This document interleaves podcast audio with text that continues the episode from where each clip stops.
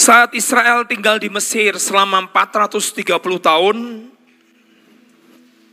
di waktu itulah mereka melihat selama bertahun-tahun mereka diperbudak, selama hampir 400 harusnya Tuhan berkata kepada Musa, negeri itu kepada Abraham, bukan pada Musa, kepada Abraham hanya 400 tahun.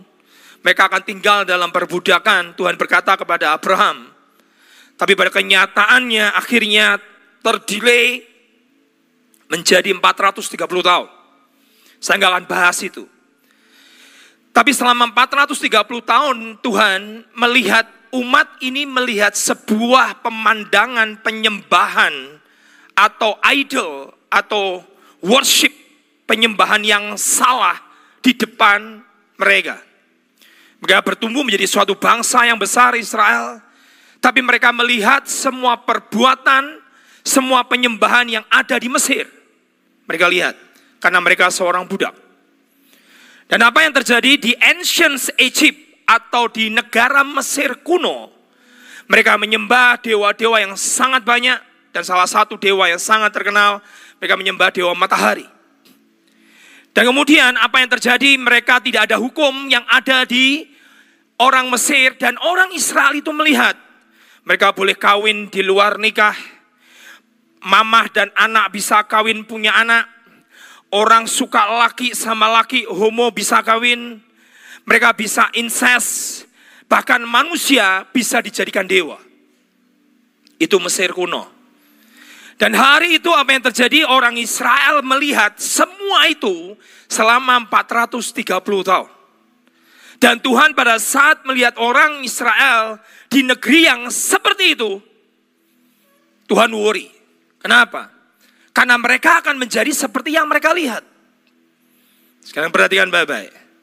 Yang di Mesir kuno, coba ingin dikembalikan di zaman modern. Dan tiba-tiba Tuhan berkata kepada Musa bahwa bangsa itu di bawah gunung Sinai. Dan aku ingin berjumpa dengan mereka tiga juta, diperkirakan tiga juta orang Israel keluar dari Mesir di bawah gunung Sinai dan mereka akan bertemu dengan Tuhan. Dan Tuhan memberi namanya sepuluh perintah Allah. Dan yang gawat hari ini adalah pendeta di mimbar berkata sepuluh perintah Allah sudah dibatalkan. Yang ngomong pendeta di mimbar. Padahal Tuhan melihat perbuatan mereka yang kecil, kawin incest, papa dan mama Mama dan anak kawin, punya anak, tidak ada perasaan bersalah. Homo kawin, tidak ada perasaan bersalah. Berzina tidak ada perasaan bersalah. Begitu Tuhan memberikan sepuluh perintah Allah dalam hati mereka, dalam bentuk dua loh batu. Tuhan berkata, barang siapa berzina, tidak masuk kerajaan sorga. Jangan mencuri, jangan membunuh, jangan berzina, jangan berdusta, jangan mengingini milik orang lain. Hari itu mereka mulai mempunyai namanya sebuah perasaan bersalah. Karena hukum itu mulai ada. Tapi yang gawat hari ini, pendeta berkata, 10 perintah Allah dibatalkan. Dengarin Bapak. Mesir kuno akan dikembalikan hari ini. Dan cara satu-satunya yang paling bisa untuk mem mengkontaminasi jemaat. Hanya perkataan keluar dari pendeta, dari mimbar.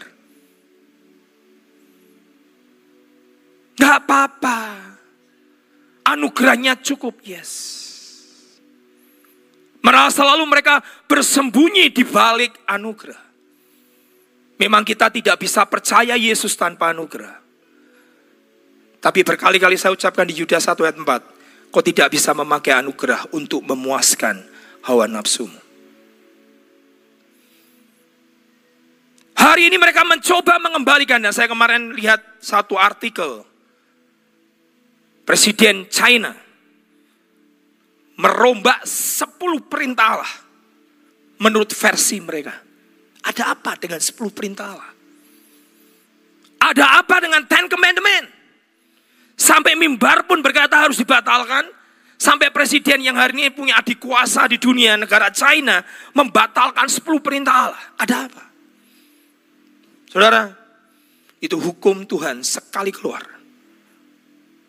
Bahkan Alkitab berkata bukan lagi dalam bentuk loh batu. Betul? Sudah hilang loh batu. Tapi Yeremia berkata, itu aku tuliskan di dalam loh hatimu. Saudara nggak bisa menghindar lagi. Di sini saudara. Dituliskan.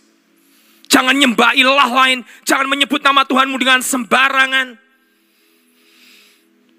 Jangan membentuk apa pun untuk kau sembah. Kuduskanlah hari sabat. Hormatilah orang tuamu. Itu ditulis di sini. Yang saya sedih, hari ini orang Kristen memakai dalih hukum Taurat. Sepuluh perintah Allah sudah dibatalkan. Saya berkata kepada jemaat hati, nggak pernah dibatalkan. Itu akan tetap tertulis di dalam loh hatimu. Kalau enggak Tuhan melihat umat yang lahir di Mesir, tiga juta orang lihat perbuatan yang kecil, yang jahat, yang najis. Dan mereka berkata, tidak apa-apa. Akhirnya Tuhan harus memberikan sepuluh perintah Allah.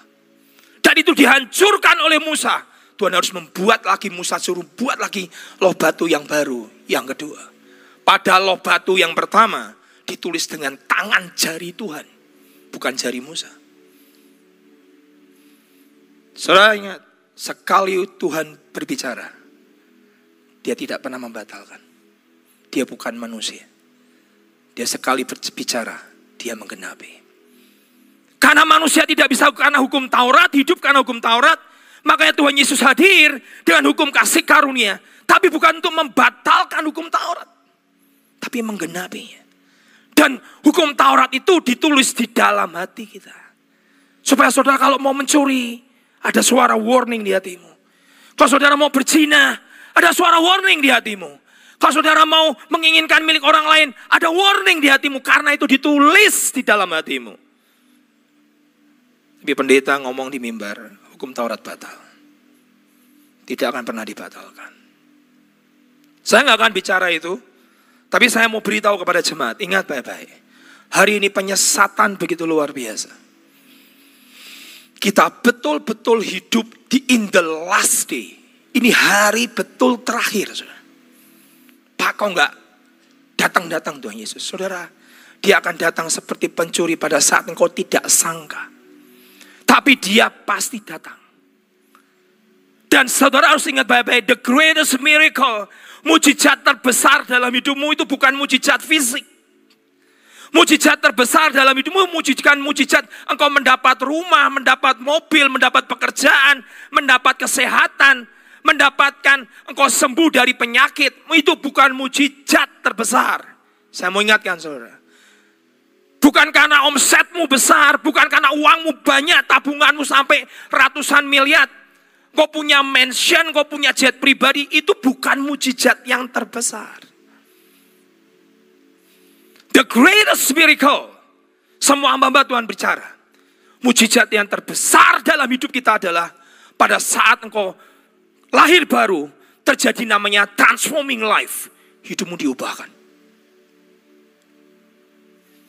Pada saat kau mengalami perubahan dalam dirimu, pada saat kau hidupmu mulai seperti serupa dengan Kristus, itu adalah the greatest miracle. Itulah mujizat yang terbesar. Nah, saya ingatkan saudara sekali lagi. The real you, sesungguhnya saudara, itu bukan fisik. Ini punya umur. Ada yang 10 tahun, ada yang 20 tahun, ada yang 40 tahun. Papi saya cuma 73 tahun, mertua saya cuma sampai 77 tahun. Pak Yusak sampai 80 sekian tahun. Pak Petrus Agung sampai 54 tahun. The real you, sesungguhnya saudara, bukan tubuhmu. Tapi hari ini orang Kristen yang diurus apa? Salah nggak Pak? Enggak. Sampai engkau lupa mengurus yang sesungguhnya saudara. Apa itu Pak? Rohmu. Tidak akan pernah mati. Kekal. Selamanya. Entah di surga, entah di neraka. The real you, sesungguhnya kamu adalah rohmu. Hari ini banyak orang Kristen berkata, aku capek pak, sudah capek dengan kehidupan ini. Aku capek pak, capek menghadapi hutang yang tidak pernah kunjung selesai. Aku capek pak menghadapi suamiku yang ngitian. Dan tidak pernah bertanggung jawab. Aku capek pak menghadapi hidup yang sepertinya lonely, sendirian, tidak punya sahabat. Saya mau ngomong sama saudara, the real you, sesungguhnya engkau bukan tubuhmu, tapi rohmu. Kalau hari ini kau berkata capek, saudara, karena Tuhan hanya punya alat untuk membuat rohmu kuat, bertahan, persisten, fighter, mempunyai sebuah terobosan, hanya dengan cara apa? Masalah. Tuhan tidak punya cara lain kendaraannya hanya dengan masalah. Untuk menguji rohmu, untuk menguji manusia sesungguhnya engkau, menguji manusia batiniahmu, kecuali dengan apa? Dengan masalah. Hari ini ada saya mau bicara sesuatu yang invisible. Saya kasih judul namanya invisible karena tidak terlihat. Dan orang sering kali memakai bahasa, aku capek beriman, aku capek beriman, aku capek berharap, aku capek menanti, aku capek beriman lagi. Saya mau berkata kepada saudara, beriman itu akan sampai di ujung kubur. Saudara akan tetap terus beriman. Saya mau tunjukkan sesuatu. Lihat Ibrani pasal 11 ayat 1 sampai yang 3.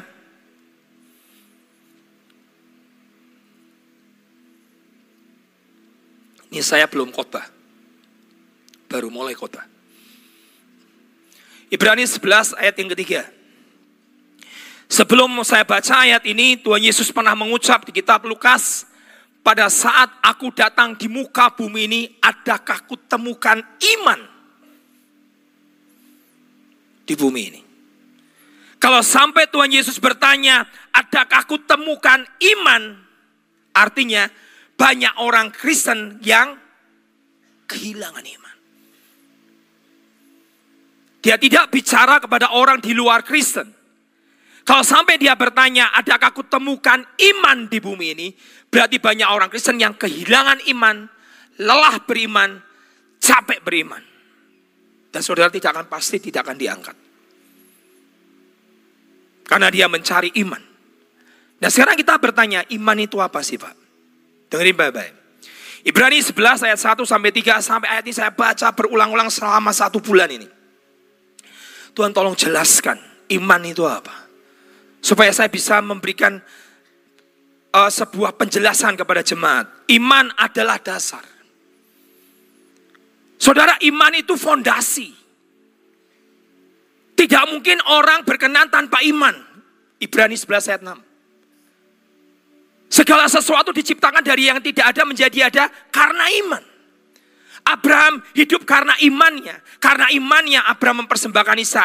Karena imannya Yakub mendoakan putranya. Karena imannya Musa meninggalkan Mesir. Karena imannya Samuel. Karena imannya Gideon. Karena imannya. Semua karena iman. Iman itu apa? Dasar.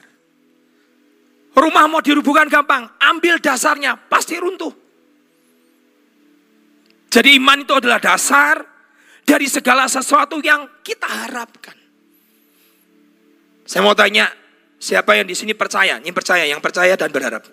Bahwa saya kalau mati itu Pak hari ini, saya pasti masuk surga. Angkat tangan. Pasti. Yang enggak pasti enggak usah angkat tangan. Nanti tak baptis ulang. Yang pasti aja yang, saya kalau mati masuk surga Pak. Angkat tangan tinggi, tinggi, tinggi, tinggi. Enggak usah setengah yang, jangan berduka. Tinggi, tinggi. Oh, hampir sebagian besar. Walaupun enggak semua, tapi sebagian besar angkat. Kok saudara percaya? Mati pasti masuk surga. Saudara sudah pernah lihat surga? Kok percaya? Itu iman. Dasar yang kau harapkan. Kok percaya? Aku percaya Yesus. Dia mati buat aku. Bukan karena perbuatanku. Bukan karena usahaku. Tapi aku percaya dia. Dia membasuh dosaku. Mati masuk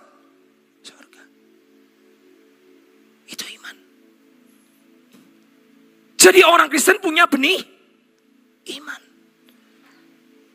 Dari dasarnya pada saat engkau lahir baru, kau sudah punya namanya benih iman. Alkitab berkata, saya ulangi, iman adalah dasar dari semuanya yang kita harapkan. Dan ini ayat bagus sekali. Dan bukti. Dari segala sesuatu yang tidak kita lihat. Kok buktinya kamu pasti mati masuk surga dari mana? Apakah pernah kamu lihat surga? Enggak pernah. Tapi kalau mati masuk mana? Surga. Buktinya apa? Ya buktinya pokoknya aku ini mati masuk surga karena tertulis di firman. Kata bukti itu memakai kata adalah, benar saya cari kata-katanya. Itu adalah akta kepemilikan. Saya punya akta kepemilikan dari firman Tuhan. Kalau aku percaya kepada Yesus, aku mengaku dengan mulutku dan aku percaya dalam hatiku, dan dia telah mati dan dibangkitkan dari antara orang mati, aku akan masuk surga. Itu bukti, akta akta kepemilikanku tertulis di notaris surga, Bapak di surga, Putra Roh Kudus tanda tangan, mati masuk surga. Itu iman. Dia adalah dasar yang kau harapkan. Tapi engkau belum lihat. Tapi engkau percaya. That's iman. Sudah ada? Belum. Sudah lihat surga? Belum. Mati masuk mana? Surga. Lah kok percaya? Iman. Jelaskannya susah. Yakin? Yakin. Kenapa? Tertulis. Aktaku nulis. Notarisku nulis. Barang siapa mengaku mulutnya dan percaya dalam hatinya. Itu iman. Jadi saudara kalau berdoa kepada Tuhan. Untuk sesuatu masalah fisik. Rumah lah, kontraan lah, uang lah, uang sekolah lah, apa pun. Kalau engkau berdoa, engkau tidak berharap, berarti engkau tidak punya iman. Iman itu dasar, iman itu adalah dasar dari segala sesuatu yang kau harapkan. Dan bukti dari sesuatu yang kau belum lihat. Memang belum lihat.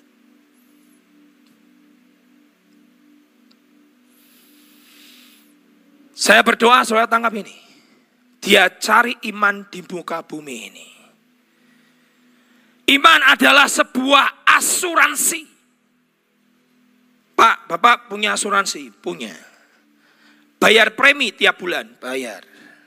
Ada yang bayar premi langsung setahun? Ada. Kalau ngalami sesuatu atau apa pun juga dalam hidup, tercover. Tercover. Buktinya mana? Aktanya ada. Sudah dibayar? Sudah. Hidupmu sudah dibayar? Sudah. Oleh siapa? Tuhan Yesus. Buktinya apa? Tertulis, aku lunas dibeli dengan darahnya. Sudah dibayar penyakitku? Sudah. Kapan? 2000 tahun yang lalu. Berarti tinggal apa? Tinggal terima.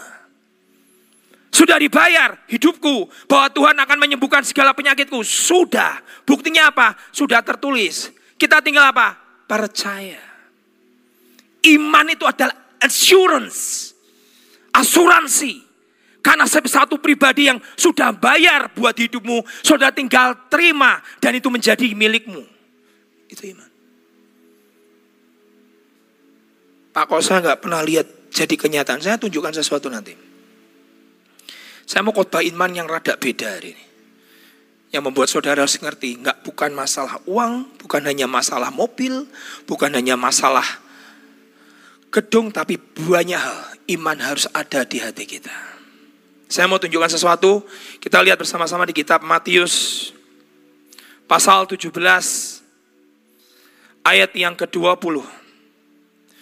Ia berkata kepada mereka karena kamu kurang percaya. Ketidakpercayaanmu itu membunuh iman.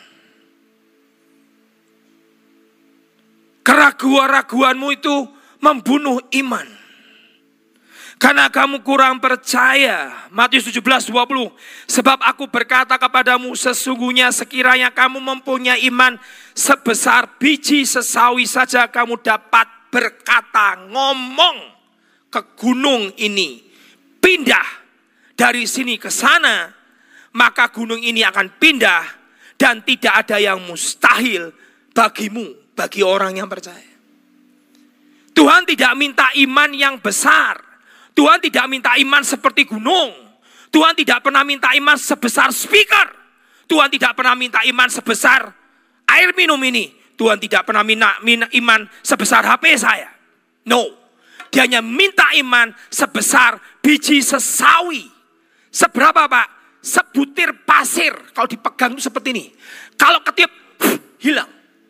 Dan iman sebesar biji sesawi ini kalau itu ada di dalam hatimu, kamu berkata kepada gunung, masalah apa pun dalam hidupmu, pindah, pindah.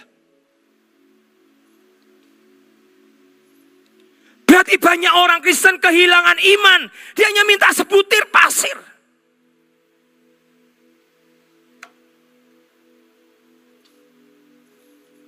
Berapa kali, sering kali kita berkata, capek aku sudah. Kok kehilangan iman? Capek aku menghadapi hidup ini. Kok kehilangan iman? Padahal dia cari iman pada saat datang di muka bumi ini. Capek aku lagi Pak menanti-nantikan lagi janji Tuhan. Capek capek sampai kapan aku harus menunggu janji Tuhan? Kok kehilangan iman? Dia hanya minta iman sebesar biji sesawi.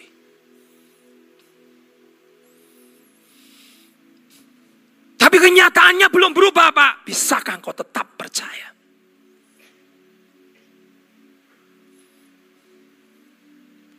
Yang penting realita? No. Yang penting kau tetap percaya walaupun kau belum melihat kenyataan terjadi. Iman adalah dasar yang terus kau harapkan dan bukti dari sesuatu yang belum kau lihat. Kau belum lihat tapi kau tetap percaya. Kau belum lihat kenyataan, tapi kau tetap berharap. That's faith. Itu iman. Dan dia cari iman. Tanpa iman tidak ada satu orang pun yang berkenan di hadapan Tuhan. Saudara, dengan iman kau bisa memindahkan gunung. Dengan iman engkau bisa menyelesaikan banyak masalah. Dia hanya cari sebutir pasir kalau saya ngomong biji sesawi, saudara nggak pernah ngerti biji sesawi, kecuali saudara pergi ke, ke Israel. Saya pernah lihat biji sesawi. Dan Alkitabnya nulis, di antara semua biji dalam semua tanaman, tidak ada biji yang paling kecil, kecuali biji sesawi. Itu biji yang paling kecil di antara semua biji tanaman. Itu biji sesawi. Tuhan hanya minta setitik, satu dot, satu kalau pulpen itu satu titik. Sebesar itu dalam hati. Dan sering kali dia tidak mendapatkan. Orang akhirnya hari ini jadi Kristen, jadi apa Pak? Skeptik. Mujizat itu udah gak ada. Itu 2000 tahun yang lalu. Kok kehilangan iman? Yang lebih parah bukan skeptik. Agnostik. Banyak Kristen hari ini agnostik. Apa itu Pak? Ke gereja ya. Kristen? Kristen. Percaya Tuhan ada? Ada. Percaya bahwa Tuhan itu bekerja dalam segala sesuatu dalam hidupmu untuk mendatangkan kebaikan buat setiap mereka yang mengasihi dia. Roma berkata begitu. Tidak. Hidup itu karena keputusan. Bukan karena Tuhan. Itu agnostik. KTP Kristen. Agamamu Kristen. Percaya Tuhan ada? Ada. Kamu ateis? Enggak, Tuhan itu ada. Dari skeptik, tidak percaya namanya mujizat, geser lagi tambah buruk namanya agnostik. Percaya Tuhan ada, tapi Tuhan tidak ber, bisa berbuat apa-apa dalam hidupku. Hidupku semua itu karena keputusanku, tidak ada pengaruh Tuhan apa pun dalam hidupku. Dari agnostik geser lagi, semakin worse, semakin mundur lagi, semakin buruk lagi menjadi apa Pak? Menjadi ateis. Tuhan ada nggak? Nggak ada. Di dunia sekarang lagi digeser ke sana. Dunia mau berkata, teknologi itu manusia. Tuhan itu tidak ada, sedang digeser.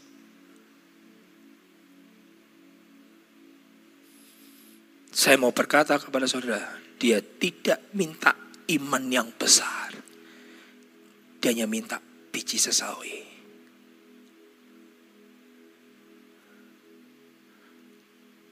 Pak kok saya rada skeptik ya. Gara-gara engkau lihat kenyataan tidak seperti yang kau inginkan. Pak kok saya sepertinya agnostik ya. Percaya Tuhan sih. Tapi kok Tuhan sepertinya tidak berbuat apa-apa dalam hidup saya. Bertobat.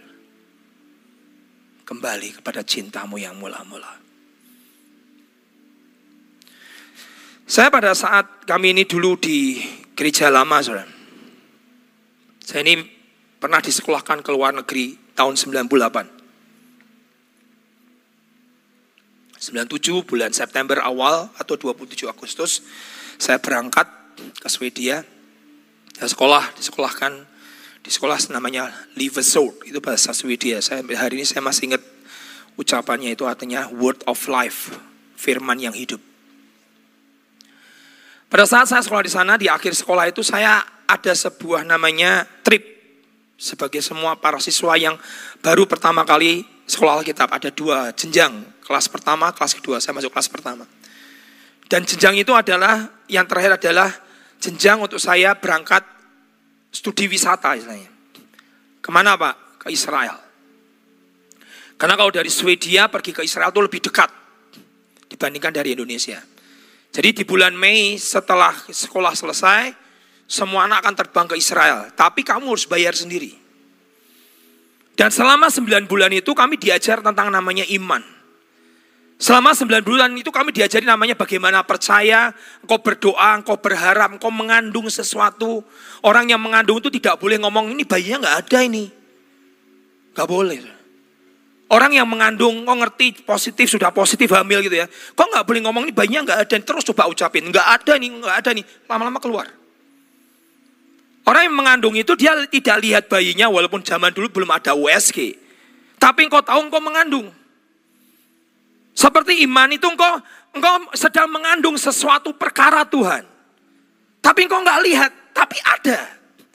Nanti waktunya 9 bulan akan dilahirkan. Itu ibu yang mengandung. Iman itu seperti itu. Engkau berdoa untuk sesuatu, engkau harapkan, engkau percaya, kau kandung itu. Terus, sampai berapa lama? Sampai waktu melahirkan. Kalau hari ini kau tunggu janji Tuhan dalam dirimu, kandung itu terus. Jangan diaborsi kandunganmu dengan ucapanmu berkata, nggak ada, ini nggak ada, ini nggak ada. Keluar. Janin itu akan mati. Demikian juga dengan perkara iman itu benih yang Tuhan taruh pada saat kau lahir baru. Kau percaya Yesus karena iman. Dan itu ditanam dalam hatimu. Dan kemudian Tuhan ingin saudara itu exercise imanmu. Saudara melatih imanmu. Supaya bertumbuh. Karena Tuhan Yesus pernah berkata, Hey you little faith. Kok iman yang kecil. Kok tidak bisa ngusir setan dalam namaku. Tuhan Yesus pernah ngomong iman kecil itu ada. Iman yang besar itu ada. Hamba ini perempuan yang sakit pendarahan ini imanmu besar. Jadilah sesuai dengan perkataanmu. Perwira itu berkata, imanmu besar. Aku nggak perlu datang ke rumahmu. Kau sudah percaya bahwa hambaku di rumah akan sembuh. Imanmu besar. Dan Tuhan Yesus berkata, tidak pernah kujumpai orang iman sebesar seperti perwira ini di antara orang Israel. Tuhan sangat kagum dengan orang yang punya iman besar. Dan itu bukan orang percaya. Saya waktu di sana, saya diajari berkata, ayo percaya, percaya, percaya bahwa akhir bulan, akhir tahun nanti, bulan Mei, akhir sekolah, kamu ke Israel. Saya berdoa, saya puasa, saya berdoa, saya puasa, saya kandung itu selama 9 bulan. Saya doa. Setiap kali ketemu teman, see you at Yerusalem. Ketemu see you at Yerusalem. Ketemu teman, see you at Yerusalem. Sampai ketemu di Yerusalem. Sampai ketemu di Yerusalem. Sampai ketemu di Yerusalem. Ngomongnya gitu terus, duit gak punya. Gereja masih miskin, gak punya duit krisis 98 bulan Mei itu kerusuhan di, di Jakarta. Dolar yang 2000 loncat ke 15 ribu. Dulu enak saudara, dolar itu cuma 2000. Saudara zaman yang orang kuno kayak saya, dolar masih 2000 betul? Mei 98 loncat ke 15 ribu. Saya nggak mungkin minta duit sama gereja. Terus, dan iman itu selalu di challenge. Tahu artinya challenge? Ditantang. Iman itu selalu akan ditertawakan. Dan iman itu akan dicemooh. Dan iman itu tidak akan bisa dimengerti. Saya terus jalan. Mendekati hari ya. Saya coba kerja. Sudah, sudah ternyata kerja di musim dingin minus 16. Saya pernah tinggal di negara minus 16. Ih, dingin ya luar biasa. Gak ada air di luar yang gak beku. Semua air di luar beku. Kalau mau buang Coca-Cola tuh tinggal usah pakai freezer. Lempar keluar. Dem. Tunggu 5 menit. Sudah mulai membeku, membeku, membeku. Diambil minum. Sudah. Gak perlu freezer. Negara minus 16. Freezer itu paling nol. Ini minus 16. Saya kalau coba kerja dapat per jam, saya masih ingat satu jam itu dapatnya 50 kron. Satu kron berapa saya lupa. Tak kumpulin. Sambil ngirit-ngirit makannya. Tak kumpulin begitu kurang satu bulan, nggak cukup. Angka yang harus saya berangkat itu 10 ribu waktu itu. Saya masih hanya bisa mengumpulkan sekitar 2 ribu. Kurang 8 ribu. Tertantang terus. Apa iya? Apa iya? Apa iya? Ditelepon dari Indonesia pulang. Aduh, apakah harus pulang ya? Apakah harus tidak pernah beriman lagi? Saudara, iman itu ditantang. Diuji. Apakah engkau tahan uji? Mendekati hari H kurang 2-3 hari. Travel agent bertanya, keputusanmu apa? Tetap kalau kamu tetap berkata ya, duitmu hilang. Kalau kamu jadi berangkat. Kalau kamu berkata tidak, duitmu tak kembalikan. Dan apa yang terjadi? Karena saya ditantang terus. Gak tahan saya. Gak tahan. Saya berkata, udah, udah. Saya pulang. Dan saya beli tiket pulang. Dan Tuhan itu sebetulnya ngajarin saya sesuatu. Peristiwa itu akan mengajari hidup saya banyak tentang namanya iman. Sampai di Indonesia saya shock. Loh Engki kamu kok pulang? Ya kok pak. Katanya ke Israel. Gak jadi. Saya gak tahan dengan perkataan, gak tahan dengan tekanan. Saudara, hari ini kalau engkau menghadapi tekanan. Iman itu bukan kroso. Iman itu bukan feeling. Iman itu bukan kau lihat kenyataan. Saya lihat satu quote dari Smith Wigglesworth. Dia berkata ini rasul iman. Dia ucapkan satu quote yang bagus sekali. Aku nggak pernah digerakkan. Karena apa yang kulihat. Aku nggak pernah digerakkan karena aku kerosok sesuatu. Aku nggak, aku hanya bergerak, I move. Aku bergerak. Karena apa? Karena yang ku percayai. Itu iman. Hak kroso apa-apa? Ya sudah, enggak apa-apa. Iman tuh nggak perlu kroso-krosonan. Kenyataan belum. Ya memang iman tuh belum melihat kenyataan. Tapi aku bergerak dengan apa yang ku percayai. Saya pulang, ketemu almarhum dalam berkata, lo kamu kok pulang? Ya, tidak tahan saya dengan tekanan. Terus, ya sudah pulang. Beliau berkata, sebetulnya uangku itu mau tak kasihkan kamu. Untuk berangkat ke Israel. Sudah gelo nggak begitu? Sudah sampai Indonesia tapi. Sudah nggak bisa. Setiap kita akan mengalami namanya ujian iman dalam hidupmu. Terus kemudian saya berlutut, saya berdoa Tuhan ampuni saya. Saya marah, saya pulang ke Indonesia karena saya marah. Dan hari itu tahun 2006, eh, 298 saya 98 saya tidak berangkat, 99 ada trip lagi ke Israel. Saya coba masukkan DP lagi. Saya coba beriman berdoa lagi. Dan akhirnya saya tidak bisa berangkat lagi 99. 2000 saya coba lagi. Saya tidak bisa lagi. 2001 saya coba lagi. Saya kasih dia lagi. Tidak bisa lagi. 2022 saya coba lagi. Dan tidak bisa lagi. 2003 saya coba lagi. Bahkan kehilangan DP saya. Bahkan saya sampai saya lihat itu namanya paspor saya cuma satu kali tok Swedia. Lihatnya kosong semua nggak ada isinya. Zaman dulu nggak ada visanya. Saya lihat 2003, kosong lagi. 2004, gagal lagi. 2005 ke Israel, gagal lagi. 2006, tembus Israel. 8 tahun kemudian. Tapi saya tidak akan pernah berharap dan saya tidak pernah namanya kehilangan hope. Harapan saya. Iman adalah sesuatu yang kau tetap percaya. Walaupun kau belum lihat kenyataan. Begitu tembus, gampang. Saudara dengar baik-baik, engkau masalah keuangan dalam hidupmu. Sekali engkau tembus, breakthrough keuangan. Bukannya gampang. Tapi yang delapan tahun ini loh Pak, memang. Kok di exercise, kok dilatih, kok dilatih, kok dilatih. Kok gagal, gagal, dan gagal, dan gagal. Tapi begitu engkau percaya, sampai tembus breakthrough dalam hidupmu, saudara ngalami begitu-begitu. Tuhan itu adalah the Lord is my shepherd, kolah gembalaku. I shall not want. Takkan kekurangan aku. Saudara betul ngalami tidak kekurangan. Saudara ngalami namanya Jehovah Jireh dalam dirimu. Tuhan dalam hidupmu begitu nyata.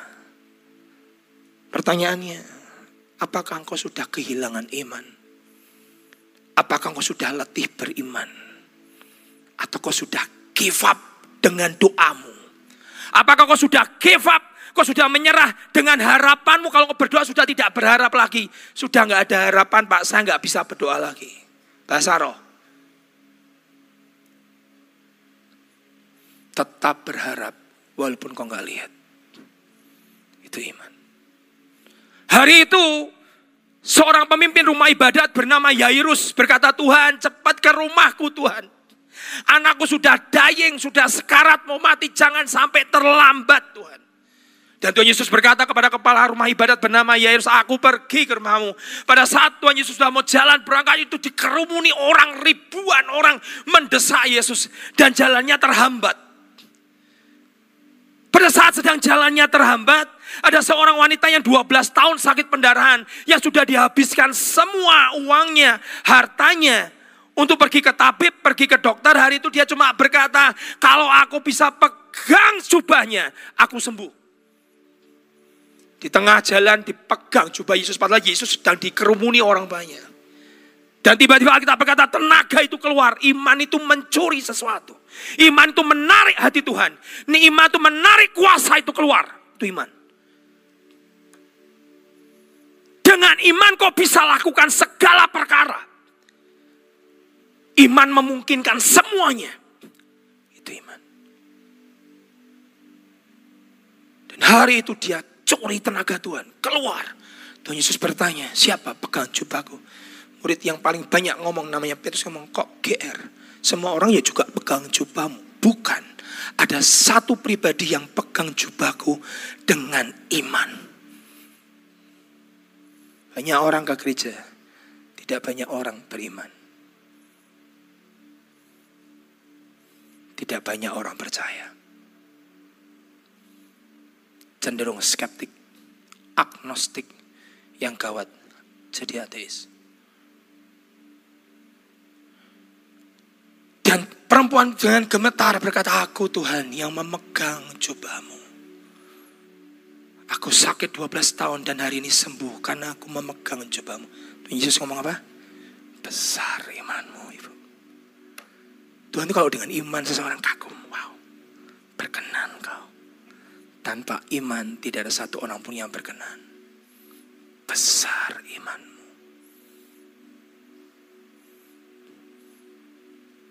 Hamba dari kepala rumah ibadat di rumah Yairus lari dan berkata, Gak usah ganggu guru lagi. Kenapa? Anakmu sudah mati, terlambat. Saudara, ini ada yang saudara merasa dirimu sudah terlambat ditolong Tuhan. Seperti Yairus, terlambat Pak. Nasi sudah jadi bubur Pak, hancur berantakan. Semua sudah nasi jadi bubur, sudah bubur Pak. Tidak bisa kembali menjadi nasi. Ada saudara yang mengalami masalah begitu? Sudah rusak, berantakan, sudah hancur semua. Saya buat keputusan-keputusan yang salah sudah jadi bubur. Dah saya akan habis Pak. Dengarkan Bapak. Dengarkan Bapak pesan Tuhan pagi hari ini. Dia adalah Tuhan yang suka menata ulang yang sudah jadi bubur menjadi hidup lagi. Dia Tuhan. Semua berkata sudah jangan ganggu guru lagi. Anakmu sudah mati. Dia tidak bisa ditolong. Dan Tuhan Yesus ngomong dengan Yairus, percaya saja, jangan takut. Tuhan ngucap sama Yairus, percaya saja, jangan takut. Berapa banyak di kita hari ini takut. Engkau lebih memilih takut daripada engkau lebih memilih percaya. Iman itu adalah option, pilihan. Kau pilih percaya atau kau pilih takut. Mungkin dia harus berkata, terlambat Tuhan, terlambat anakku sudah mati. Percaya saja, jangan takut. Sampai di rumah Yairus, orang sudah meratap, sudah menangis. Dan Tuhan Yesus berkata, anak itu nggak mati, dia hanya tidur. Semua tertawa. Iman selalu ditertawakan. Saat kita bangun gedung sekolah, saudara. Semua orang tertawa. Kita bangun di masa pandemi. Dan angkanya puluhan. Gak mungkin saudara bangun di masa pandemi. Orang cenderung berkata, eh simpan cash, simpan cash, simpan cash. Ke depan gak pernah tahu pandemi akan berapa lama, akan berapa panjangnya. Kita gak pernah simpan cash, simpan cash. Ada yang ngomong dapat pesan dari Tuhan, jangan keluarkan duit. Jaga semua, jaga semua. Tuhan ngomong, bangun,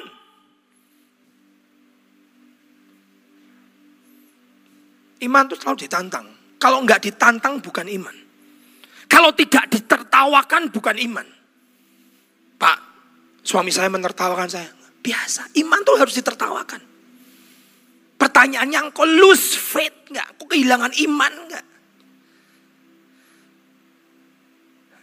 Kemarin yang khotbah di hari Sabtu, saya berdoa ini jadi inspirasi buat anak-anak. Umur 17, si Amanda Hitch. Nanti siang dia akan datang. Saya cari ketemu di Google, saya dapat nomor teleponnya, saya WA. Bisa nyambung. Dia ngomong, Pak, padahal di Google itu sudah dihapus nomor telepon saya. Karena sejak saya dicantumkan di Google, orang pada telepon saya, pada nakal-nakal teleponin saya semua. Karena ini orang orang Amerika. Usia 17, Tuhan sudah panggil dia di umur 6 tahun. Usia 17, Tuhan ngomong, go! Loh, go ke mana Tuhan? Ke negeri yang selalu kamu kasih beasiswa dari Amerika. Dia di rumah punya kolam renang, punya mobil, punya mama, punya papa, punya tempat yang cukup bagus, udara bersih. Ke mana? Ke Indonesia. Umur 17. 17. Gila, gila kamu. Dan dia terbang. Jangan dipikir, oh langsung semua ada rumah mansion besar, ada panti, panti asuhan yang bagus. Dia tinggal di panti asuhan kalau malam kepalanya digigit tikus. Pernah ada yang digigit tikus nih? Dari tempat yang sangat mewah di Amerika, pindah ke negeri yang harus tidur di situ digigit tikus. Rambutnya kutunan. Bule nih, sudah. Saya ngomong sama kamu, saya ngomong sama dia tadi waktu ngobrol saya bilang, kamu kok tahan? 4 tahun pak, penghancuran dalam hidup saya usia 17 loh. Ini bukan orang usia dewasa. Penghancuran dalam hidup saya. Iman saya tertantang. Orang mulai tertawa. Mana? Katanya kamu jadi misionari. Kok cuma di panti asuhan saja? Kok tetap digigit digigit tikus?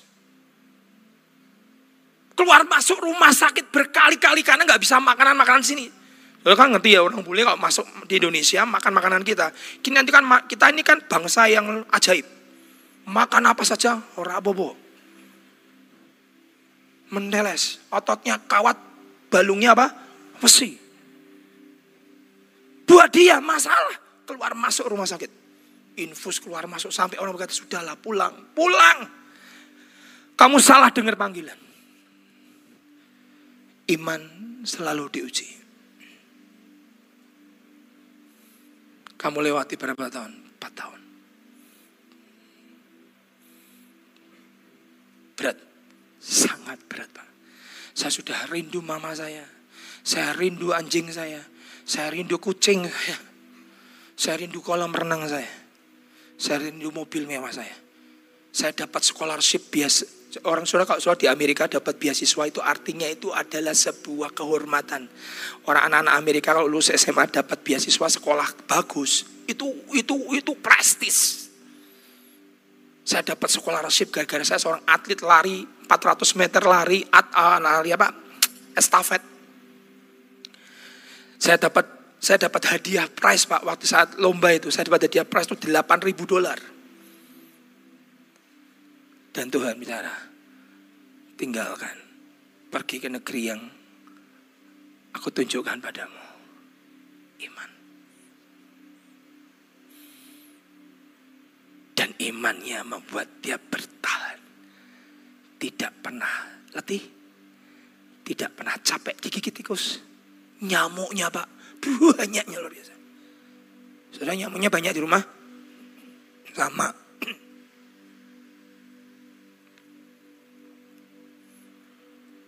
Tapi saya nggak pernah gigit tikus kepala saya. Saya punya anjing di rumah. Berani tikus dekat sama saya. Anjing saya marah nanti. Tapi iman itu selalu diuji.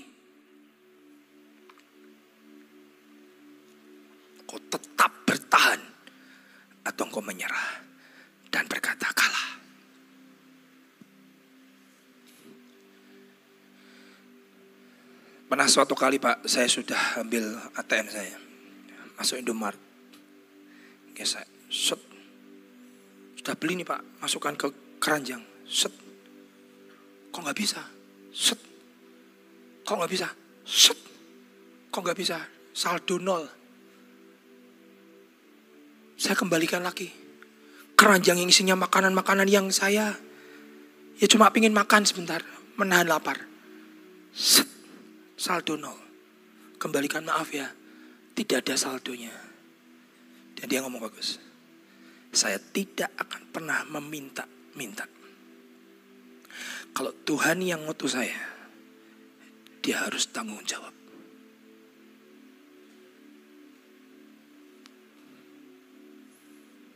Masuk kamar. Saya nangis. Tuhan, cuma makan loh Tuhan. Masa nggak bisa? Nol. Aku selalu dihina, dibully-bulikan, diejek, kulit putih segala macam. Aku juga gak kepingin. Tapi aku jawab panggilanmu. Cuma mau makan loh Tuhan. Saldo nol. Kau ngutus, kau tanggung jawab. Sudah tahu? Bapak tahu? Gak tunggu berapa menit. Masuk.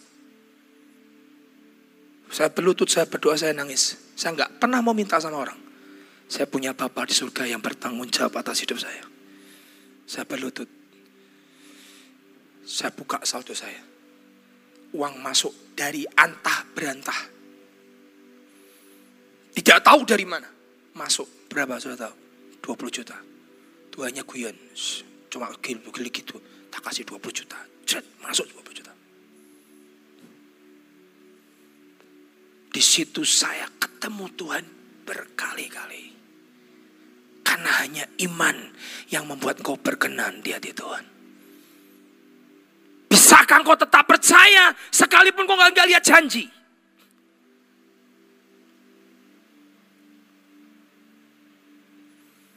Saya tunjukkan satu ayat, nanti siang saya akan teruskan. Jamnya udah habis. Buka Ibrani 11,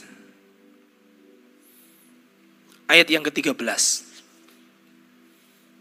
Ini ayat memberkati sekali. Ini adalah ayat tentang iman Ibrani 11. Tapi ayat ini diakhiri dengan ayat ini. Saya suka sekali iman yang akhirnya diakhiri dengan ayat ini. So berdoa minta jodoh dan jodohmu belum datang. Apa-apa. Is on the way sedang dalam perjalanan. Saya minta rumah, tak apa. Lihat ayat Ibrani 11 ayat 13. Dalam iman mereka semua ini telah mati sebagai orang-orang yang tidak memperoleh apa yang dijanjikannya itu.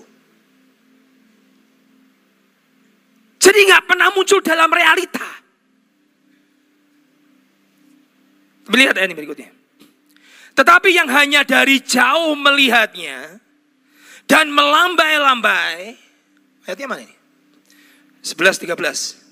Tetapi yang hanya dari jauh melihatnya dan melambai-lambai kepadanya dan yang mengakui bahwa mereka adalah orang-orang yang asing dan pendatang di bumi ini. Maksudnya gimana sih Pak? Saya kok kurang jelas bahasa Indonesia. Saya terjemahkan dalam bahasa Inggrisnya. Mereka mati di dalam imannya, not having received the promise. Dan mereka tidak menerima janji itu. Tapi mereka mati di dalam imannya, tidak melihat janji itu jadi kenyataan. But having seen them far off, tapi mereka hanya melihat dari jauh, dan mereka hanya yakin itu, mereka tidak pernah lose faith, mereka tidak pernah kehilangan iman, mereka tidak pernah letih beriman, mereka tidak pernah capek beriman, mereka tetap mengembrace, mereka tetap me, me, memeluk iman itu, dan mereka terus mengucapkannya, dan mereka berkata, I was stranger and pilgrim on earth. Artinya apa? Aku hanyalah pendatang di muka bumi ini dan aku di bumi ini cuma ziarah. Sudah tahu? Keluarga negaraanmu bukan warga negara bumi ini. Keluarga negaraanmu adalah warga negara sorga. Di bumi ini cuma ziarah. Besok bulan Februari sama saya sama Pak Victor mau pergi ke Israel. Ngapain Pak? Saya mau ziarah. Berapa lama Pak? 10 hari. Saya nggak menetap di Israel. Saya nggak akan tinggal di sana. Saya nggak akan domisili di sana. Saya nggak akan citizen di sana. Saya hanya ziarah ke sana. Terus apa? Pulang lagi ke Indonesia. Saudara, saudara itu adalah pendatang di muka bumi ini. Ada yang 10 tahun, ada yang 40 tahun, ada yang 70 tahun, ada yang 80 tahun, ada yang 90 tahun. Engkau hanya ziarah. Dan dengan iman mereka mati, mereka tidak menerima janji itu. Tapi mereka tidak pernah mati tanpa iman. Mereka tetap percaya akan namanya mereka adalah keluarga negaraan sorga. Saudara dengar baik-baik. Kalau engkau belum menerima janji Tuhan sampai hari ini, jangan letih beriman. Jangan capek beriman. Jangan berkata, aku tidak percaya lagi. Jangan berkata, agnostik Tuhan ada sih. Tapi sepertinya tidak bisa berbuat apa-apa dalam diriku. Itu agnostik. Kok kehilangan iman. Lose faith. Pada saat aku datang di muka bumi ini, dapatikah iman di bumi ini? Baca Ibrani 11 ayat terakhir. Ayat 32. Iman diawali tadi saya sudah cerita, sekarang iman diakhiri dengan ini. Ibrani 11 ayat 32. Dan apakah lagi yang terus aku sebut? 32. Sebab aku akan kekurangan waktu apabila aku hendak menceritakan tentang siapa. Aku mau cerita tentang Gideon. Aku mau cerita tentang Barak. Tentang Simpson, Yefta, Daud, Samuel, dan para nabi. Lihat ini. Yang karena iman telah menaklukkan kerajaan-kerajaan. Mengamalkan kebenaran. Memperoleh apa yang dijanjikan menutup mulut singa-singa, memadamkan api yang dahsyat. Mereka telah luput daripada mata pedang, telah beroleh kekuatan dalam kelemahan, telah menjadi kuat dalam peperangan, dan telah memukul mundur pasukan-pasukan tentara asing. Ibu-ibu telah menerima kembali orang-orang yang telah mati sebab dibangkitkan. Tetapi orang-orang lain membiarkan dirinya disiksa dan tidak mau menerima pembebasan supaya mereka beroleh kebangkitan yang lebih baik. Teruskan. 36. Ada pula yang diejek, didera, bahkan yang dibelenggu dan dipenjara. Mereka dilempari, digergaji, dibunuh dengan pedang. Yesaya tuh matinya digergaji badannya. Mereka dilempari, digergaji, dibunuh dengan pedang. Mereka mengembara dengan berpakaian kulit domba dan kulit kambing sambil menderita kekurangan, kesesakan, dan siksaan. Ini orang beriman, saudara. Bukan orang tidak beriman loh ini. Apalagi Dunia ini tidak layak bagi mereka. Mereka mengembara di padang gurun, di gunung-gunung, di gua-gua, di celah-celah gunung. Dan lihat nih ayat ini 39. Dan mereka semua tidak memperoleh apa yang dijanjikan itu. Kalau misalnya Tuhan tidak jawab doamu bagaimana? Saudara kehilangan iman?